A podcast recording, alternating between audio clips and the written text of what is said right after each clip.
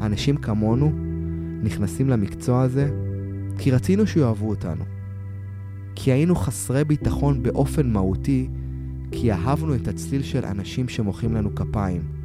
כי הצליל הזה גרם לנו לשכוח את ההרגשה שאנחנו לא מספיק טובים.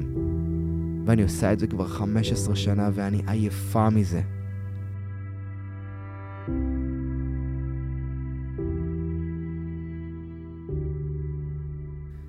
אלופים, וברוכים הבאים לעוד פרק בביולוגיה של הווינרים, והיום, אשליית התהילה. ניתוח סוד ההצלחה של טיילור סוויפט מנקודת מבט מנטלית. הכל התחיל בסופש, כן, מה שנקרא, סיימנו לאכול ארוחת שישי, אשתי נרדמה מוקדם. טוב, ככה אני יכול לספר לכם בשקט, כן? סוף שבוע, דג מרוקאי, לחם, סלטים, דברים טובים, אנחנו מרשים לעצמנו מה שנקרא לפנק את הנשמה בשבת. אז אשתי נרדמה, התיישבתי עם הבת שלי, ככה לראות קצת טלוויזיה, והופ, הפלא ופלא, גם היא נרדמה מוקדם. מה שאפשר לי להיכנס לנטפליקס. ופתאום ככה, אתם יודעים, נטפליקס תמיד מקפיץ לך סרטים, דוקומנטרים, כל הזמן הוא מקפיץ משהו אחר חדש, פתאום קפץ לי הדוקו החדש של הזמרת המפורסמת טיילור סוויפט מול הפרצוף. עכשיו, למי שלא מכיר, אה, טיילור אליסון סוויפט, זמרת, יוצרת אמריקאית, ואחת הזמרות עם שיאי המכירות מהגבוהים בעולם, היא פעילה גם כאשת עסקים ושחקנית, אבל ההישגים של סוויפט כוללים, וואו, רשימה מטורפת, כאילו רק בקטנה, אני רק אסבר אה, לכם את האוזן, עשרה פרסי גרמי, פרס אמי, 29 פרסי המוזיקה האמריקאית, 23 פרסי המוזיקה של בילבורד, 11 פרסי איגוד אה, מוזיקת הקאנטרי, וואי, נשמע ממש כמו פרסומת, 8 אה, פרסי האקדמיה למוזיקת קאנטרי ופרס המוזיקה הבריטית, ותקשיבו לנתון הבא. נכון ל-2018 היא מכרה מעל 50 מיליון אלבומים ו-150 מיליון סינגלים. ארבעת סיבובי ההופעות שלה הכניסו מעל 500 מיליון דולר והיא נכללה פעמיים ברשימת 100 האנשים המשפיעים ביותר בעולם של המגזין טיים. וכשהתחלתי לראות את הסרט, אז מהר מאוד היה ברור לי. זה לא סיפור על זמרת, אלא על יציאה מהכלא אל החופש. מהכלא התודעתי של הצורך באישורים מהעולם, לחופש של זהות מנצחת ללא תנאים. זהות שאינה תלויה באישורים. מכניס אתכם טיפה לסרט, הסרט נפתח בכך שטיילור אה, מעלעלת ביומנים האישיים שלה. כן, כבר בתור ילדה עם חלומות גדולים, היא התחילה לכתוב על החלומות האלה ביומנים האישיים שלה. על איזה חלום? על החלום להיות מפורסמת.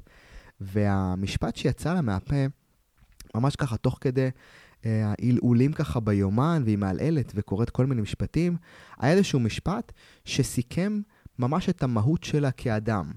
והמשפט הזה, ואני מצטט, היא אמרה, כל הקוד המוסרי שלי כילדה היה הצורך שיחשבו שאני טובה. זה כל מה שכתבתי עליו, זה כל מה שרציתי. זו הייתה כל מערכת האמונות שהחזקתי בהן כילדה. ואכן טיילור הייתה ילדת פלא. כתבה שירים, כתבה סינגלים בדקות ספורות, שרה בטקסים, הופיעה בכל אירוע אפשרי. בגיל 16 היא גם הוציאה את אלבום הבכורה שלה, אלבום בכורה ב, אמ, בעולם מוזיקת הקאנטרי, שבו היא חלמה להצליח בגדול, והאלבום שלה מכר יותר עותקים מכל אומן באותה שנה באמריקה. מה שהפך אותה לאדם הצעיר ביותר בהיסטוריה שכתב וביצע שיר קאנטרי שהגיע למקום הראשון.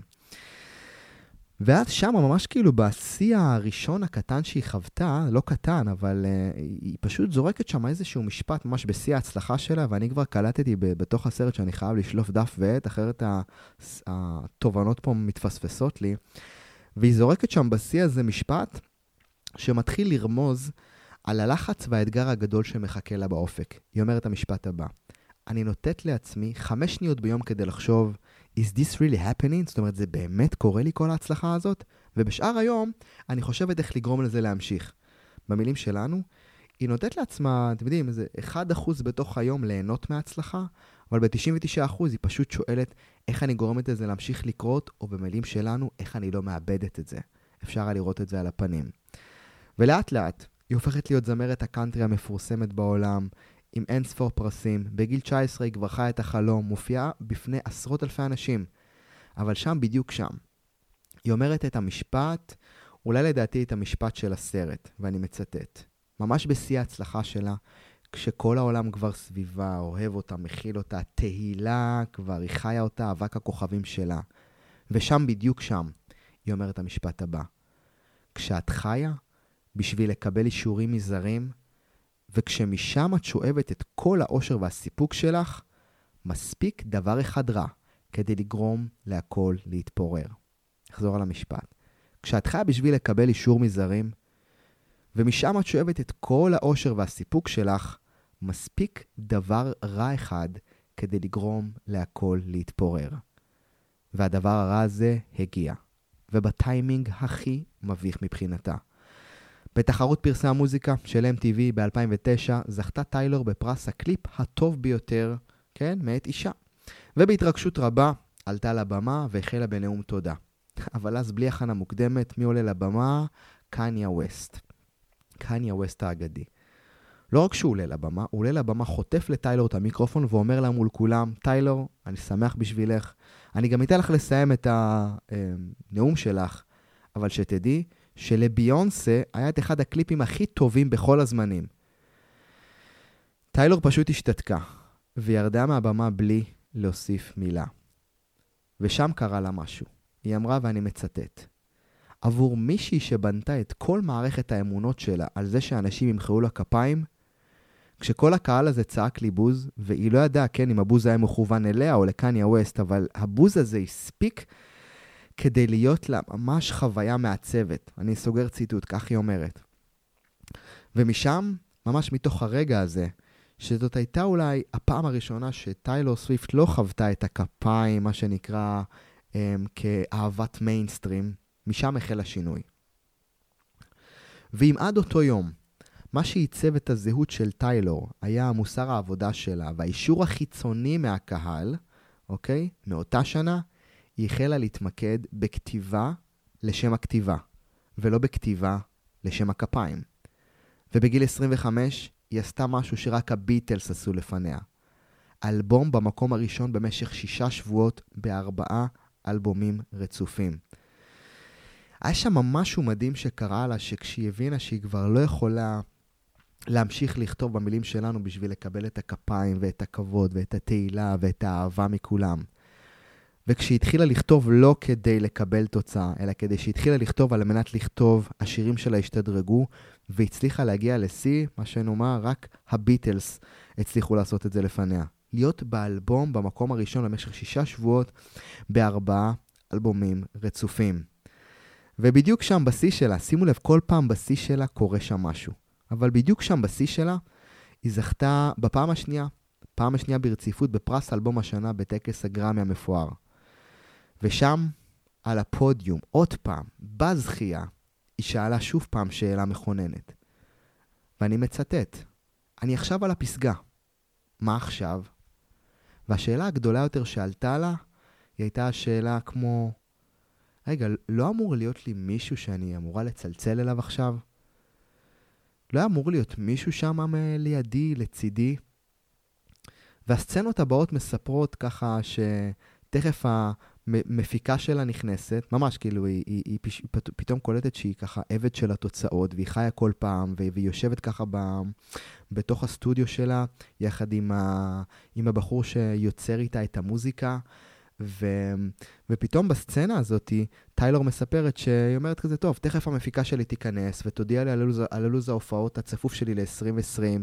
היא תגיד לי שפשוט אנחנו סגורים עשרה חודשים קדימה, ועל פניו זה בשורות שהן חלומה של כל זמרת. אבל כשאין לך את השלם, כשאין לך את האהבה, אתה חסר, ואת זה טיילור הרגישה. את חוסר האהבה של גבר, אוקיי? ואפשר היה להרגיש את זה, כי פשוט... אה, זה, זה, זה הרגיש לה פתאום שמשהו לא שלם. בהתחלה היא רצתה את האהבה של הקהל, קיבלה אותו. קיבלה אותו, היא חשבה שהיא הגיעה לשיא, אבל היא לא הגיעה לשיא, כי בפעם הראשונה שלא היא קיבלה אהבה, כשת, כשקייניה ווסט ככה קטל אותה על הבמה, היא הבינה שהיא צריכה לכתוב לעצמה. היא התחילה לכתוב לעצמה, היא הרגישה שלמה עם עצמה, אבל אז מה? בשיא שהיא כבר זכתה, היא הרגישה שרגע, שלמות עם עצמי לא מספיק, אני רוצה להרגיש את השלמות הזאת גם עם מישהו, אוקיי? ובאמת שם התחילה באמת את החיפוש אחר הבן זוג. ובדיוק בחיפוש אחר הבן זוג, היא חשבה שהדאגות שלה זה רק בן זוג, פתאום צרות אמיתיות שוב פעם החלו. קניה ווסט הכפיש את השם שלה באחד השירים שלו, ולא רק זה, הוא גם יצר שנאה אדירה כלפיה ברשת. ו... והיא אמרה, ראיתי את זה, ו... ו... ו... לא שלא יכולתי לראות שוב את אותו סצנריו שקורה לי כשאנחנו מבקשים לממש את עצמנו. ו- ותחשבו על זה, היא אומרת, משהו באמת מדהים, כי כגודל החלום, גודל ההתנגדות. ובדיוק ברגע הזה שהיא כביכול זוכה בפרס, מצד שני אין לה בן זוג לידה, מצד שלישי קניה ווסט מכפיש אותה, היא פתאום מה baby girl הזאת, מהילדה שכולם אהבו אותה, הפכה להיות מישהי שהיה לו, את כבר לא המאמי הלאומית. פתאום היא אומרת משפט שמבחינתו אולי אה, עשיתי את הפרק הזה עבורכם. המשפט שהיא אומרת זה המשפט הבא. היא אומרת המשפט הזה כשהיא מתיישבת, ככה בחצי תסכול, חצי רגע של כנות עם עצמה, והיא אומרת את המשפט הבא. האנשים כמונו נכנסים למקצוע הזה כי רצינו שיאהבו אותנו. כי היינו חסרי ביטחון באופן מהותי, כי אהבנו את הצליל של אנשים שמוחאים לנו כפיים. כי הצליל הזה גרם לנו לשכוח את ההרגשה שאנחנו לא מספיק טובים. ואני עושה את זה כבר 15 שנה ואני עייפה מזה. זה משפט שטיילור אומרת אותו מעמקי ליבה, אני אחזור אליו. אנשים כמונו נכנסים למקצוע הזה כי רצינו שיאהבו אותנו. כי היינו חסרי ביטחון באופן כל כך מהותי, כי אהבנו את הצליל של אנשים שמוחאים לנו כפיים. למה? כי הצליל הזה גרם לנו לשכוח את ההרגשה שאנחנו לא מספיק טובים. ואני עושה את זה כבר 15 שנה ואני עייפה מזה. טיילור אומרת את המשפט הזה עם דמעות בעיניים, אבל הפעם, הפעם היא אומרת את זה מתוך אמת פנימית, שבוחרת לבנות את הזהות שלה על קרקע יציבה, שלא תהיה תלויה באחרים, אלא רק בעצמה. מכאן טיילור מוצאת אהבה, כותבת שירים, וגם לראשונה יוצאת עם דעה פוליטית במרוץ של, uh, לסנאט של טנסי, כן, האזור שממנו היא הגיעה. וממש רואים אותה מתחילה להביע uh, את הדעה, את דעת הנגד שלה, נגד, uh, נגד המועמדת המובילה, שר, uh, מרשה בלקבורן, שהצביעה נגד האישור מחדש של חוק האלימות נגד נשים, שמנסה להגן על נשים מפני הטרדות, אונס וכל אלימות כלשהי.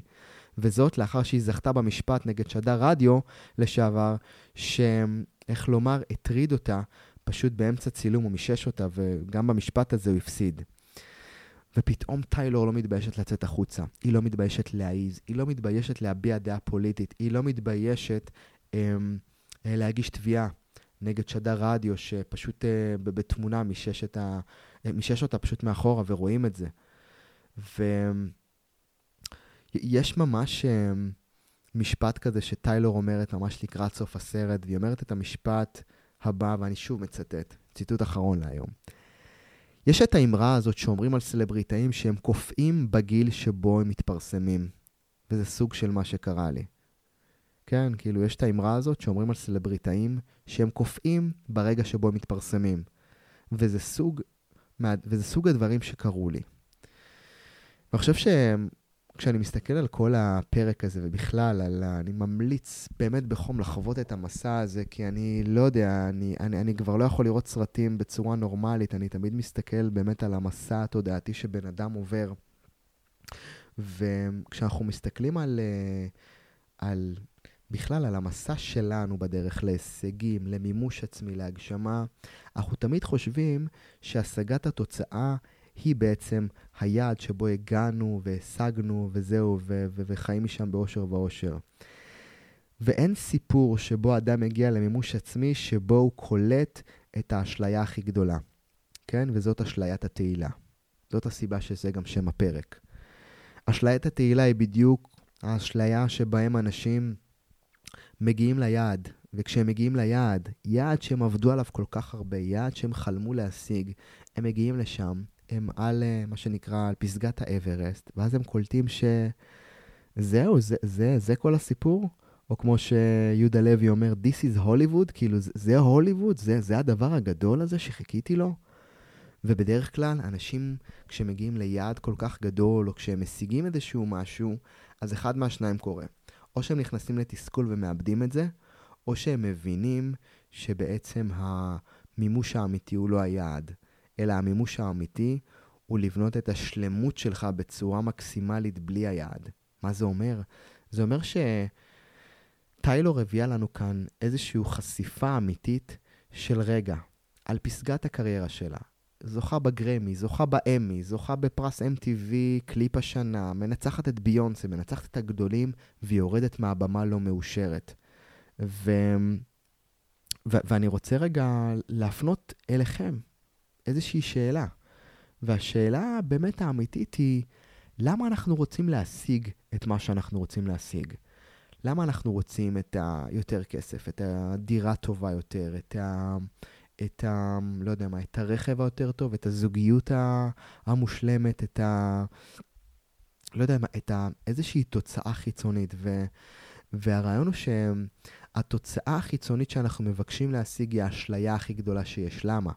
כי אנחנו לא רוצים רכב כדי שיהיה לנו רכב, אנחנו רוצים רכב כי אנחנו רוצים להרגיש בצורה מסוימת. אנחנו לא רוצים אה, אה, דירה כדי שתהיה לנו דירה, אנחנו רוצים דירה כדי שלא יודע מה, כדי שיהיה לנו ביטחון, כדי שיהיה לנו שקט, כדי שיהיה לנו כיף, כדי שיהיה לנו... ובדרך כלל, בטח אצל, אה, בעולמות הבידור, התשוקה הכי גדולה זה התשוקה לסטטוס, לקבל הכרה, שיכירו בנו, שיאהבו אותנו, שנקבל את ה... את השמחה האמיתית, שנקבל את הכפיים, שנקבל את ההכרה הזאת שאנחנו ראויים. ואני חושב שזה המניע אולי הכי הרסני שיכול להיות. לרצות להשיג משהו כדי לקבל אישור מהעולם שאנחנו אכן בסדר, שאנחנו אכן טובים. וכשאני מסתכל על ה... על ה... לפחות על, על הרמות שבהם אנחנו יכולים להתפתח, אז אנחנו יכולים לבחור אחד משני מניעים. ואולי שאלה שאנחנו רוצים להעלות עכשיו, מהפרק הזה, זאת שאלה שהייתי רוצה שככה תיקחו אותה אליכם אחרי הפרק הזה ותשאלו את עצמכם את השאלה הבאה. מה המניע למעשיי? אוקיי? זאת אומרת, מאיזה drive, או מהו המניע, מה הדבר הזה, או מהו גורם המוטיבציה הפנימי שבגללו אני עושה את הדברים שאני עושה. ואני אתן לכם פה שני, אה, שתי אפשרויות. האפשרות אחת, כן, אנחנו קוראים לה, קוראים לה מניע, סליחה, האפשרות הראשונה שאנחנו רוצים להסתכל עליה, אנחנו קוראים לזה תדר ההישג. אוקיי? תדר ההישג אומר, אני עושה את הדבר כדי להגיע להישג, וכל עוד לא הגעתי להישג, אז אני אמשיך לעבוד ב drive drive נורא נורא נורא חזק. אוקיי? זה תדר ההישג. תדר ההישג הוא נורא טוב. מתי הוא טוב? כשאנחנו משיגים. אבל כל עוד לא השגנו, אנחנו יכולים להרגיש נורא נורא לחוצים. למה? כי משהו בתוכנו אומר שכל עוד לא השגתי את היעד, את המטרה, אני עדיין לא ראוי, לא שווה, עדיין לא מגיע לי, כן? להרגיש בטוב עם עצמי. אז תדר ההישג הוא תדר מאוד מאוד מאוד מסוכן. למה? כי הוא עובד כשאתה מצליח, הוא לא עובד בצורה מאוד מאוד חדה לצד השני כשאנחנו נכשלים. כי כשאנחנו נכשלים, אז אין לנו באמת את השמחה, את הרצון. אנחנו בלחץ אינסופי. למה? כי כשאנחנו חיים בתדר ההישג, תדר ההישג זה אותו מקום שבו אני מרגיש שכל עוד לא השגתי תוצאה חיצונית, אז אני לא מספיק טוב, לא שווה, עדיין אני לא ראוי, מה שנקרא לאהבה, לאהבה עצמית לי לעצמי, ובטח לקבל אהבה מהעולם. אז תדר ההישג זה התדר הראשון. המניע השני, או אולי התדר הגבוה יותר, שבו אנחנו רוצים לחיות, זה תדר האדם השלם. תדר האדם השלם זה אותו תדר שבו השאיפה שלי, כן, היא לממש ולמקסם את האדם שנועדתי להיות. מי זה האדם שנועדתי להיות? זה אדם שפועל ועושה כל כך הרבה דברים בידיעה שלמה שלא בטוח שהם יצליחו. הוא עושה כל כך הרבה דברים בידיעה שלמה שיכול להיות שהוא יקבל ביקורת. הוא עושה את הדברים שהוא מאמין בהם ולא את הדברים שהוא רוצה שהעולם, מה שנקרא, יאשר לו. וכשאנחנו עושים את המעבר מתדר ההישג לתדר האדם השלם, אז אנחנו חווים איזושהי אה, תחושת הקלה. כי תדר ההישג הוא כל כך כל כך מלחיץ, הוא כל הזמן, אני צריך לעמוד ביעדים, אני צריך להיות שם, אני צריך להגיע. אגב, תדר האדם השלם זה לא שהוא לא רוצה הצלחה. הוא רוצה הצלחה, הוא רוצה, הוא רוצה הישגים, זה בסדר, הוא רוצה את זה, הוא רוצה לממש את עצמו, אבל בזמן שתדר ההישג גורם לנו להרגיש לחוצים, בסטרס כשאנחנו לא משיגים את היעד, תדר האדם השלם מביא אותנו לשם בדרך הנכונה. הנכונה למי? הנכונה לנו. וזה בדיוק הסיפור של טיילור סוויפט. כשהיא הייתה כל הזמן בתדר ההישג. והיא אמרה את המשפט הזה, היא אמרה את המשפט הזה ממש בתחילת הפרק, שזה משפט לדעתי שאנחנו חייבים, מה שנקרא, לראות שהילדים שלנו לא גדלים ככה. והמשפט שהיא אמרה, אני רק מחזיר לכם כאילו את ה... רק את, ה... את ההבנה הכל כך uh, משמעותית הזאת, שהיא אמרה, שאני חיה בשביל לקבל אישורים מזרים. משם אני שואבת את כל האושר והסיפוק שלי. וכשזה ככה, מספיק דבר אחד רע כדי לגרום להכל להתפורר. אז תדר ההישג זה אותו תדר ששואף להצלחה בצורה כזאת שכל עוד היא לא מגיעה, אז אני כלום ושום דבר. הערך העצמי שלי הוא תלותי בתדר ההישג. בתדר האדם השלם, הערך שלנו הוא ערך, הם, בעל ערך ללא תנאים. זה האדם שאני, ככה אני חי. וניקח את זה ליום-יום שלנו. ובתחילת היום נשאל, מהו המניע? כשאני עושה שיחת uh, עבודה, כשאני בצוות, כשאני עושה שיחת מכירה, כשאני uh, לקראת אימון, כשאני לקראת תחרות, כשאני לקראת uh, יום פגישות נורא נורא חשוב. אני אשאל את עצמי שאלה מאוד מאוד פשוטה. איך אני יכול לעבור מתדר ההישג לתדר האדם השלם? והתשובה היא תמיד מאוד מאוד פשוטה. תדר ההישג מעריך את עצמו רק על התוצאות. תדר האדם השלם מעריך את עצמו על הביצוע האותנטי המקסימלי שאני רוצה לעשות נכון לעכשיו. ואני רוצה ככה באמת uh, להפנות לכם את הנקודה הזאת, ולהזמין אתכם לבחור ממש באופן מודע, כשאני מתחיל את היום שלי, ממש כאילו אני מתחיל את היום שלי ואני רוצה לשאול את עצמי, אוקיי, שנייה רגע איתן, אתה מתחיל את היום, או עכשיו אתה מקליט את הפודקאסט הזה, כן? מאיפה אתה מקליט אותו? כדי לקבל תוצאות, או כדי אה, לייצר שינוי באנשים, או כדי באמת להגיע לאנשים דרך המדיה הזאת. אז מן הסתם, ברור שבא לי מלא האזנות, ברור שבא לי שזה יביא דברים, ברור שבא לי שאנשים ישתנו ויהיה להם כיף, ברור שבא לי שזה ייצר יותר אה, אה, מאזינים, שיהפכו לגולשים, שיהפכו לאוהדים, ש... ברור שבא לי את כל זה, למה?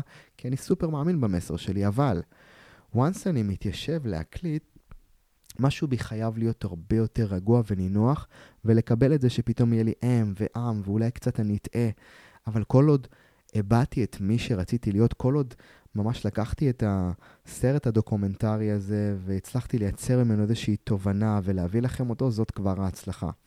ויש משהו מאוד מאוד, אה, מאוד מאוד שלם ומרגיע, כשאנחנו עושים משהו ואנחנו מסיימים אותו ואומרים לעצמנו, תהיה אשר תהיה התוצאה, אני סופר מרוצה מהדרך הזאת, ובדרך כלל, כשאנחנו מרוצים מהדרך של עצמנו, גם התוצאות מגיעות. ולכן, הסיפור הזה של טיילור סוויפט, לא, מה שנקרא, לא סתם נקרא אשליית, ה, אשליית התהילה או אשליית הפסגה.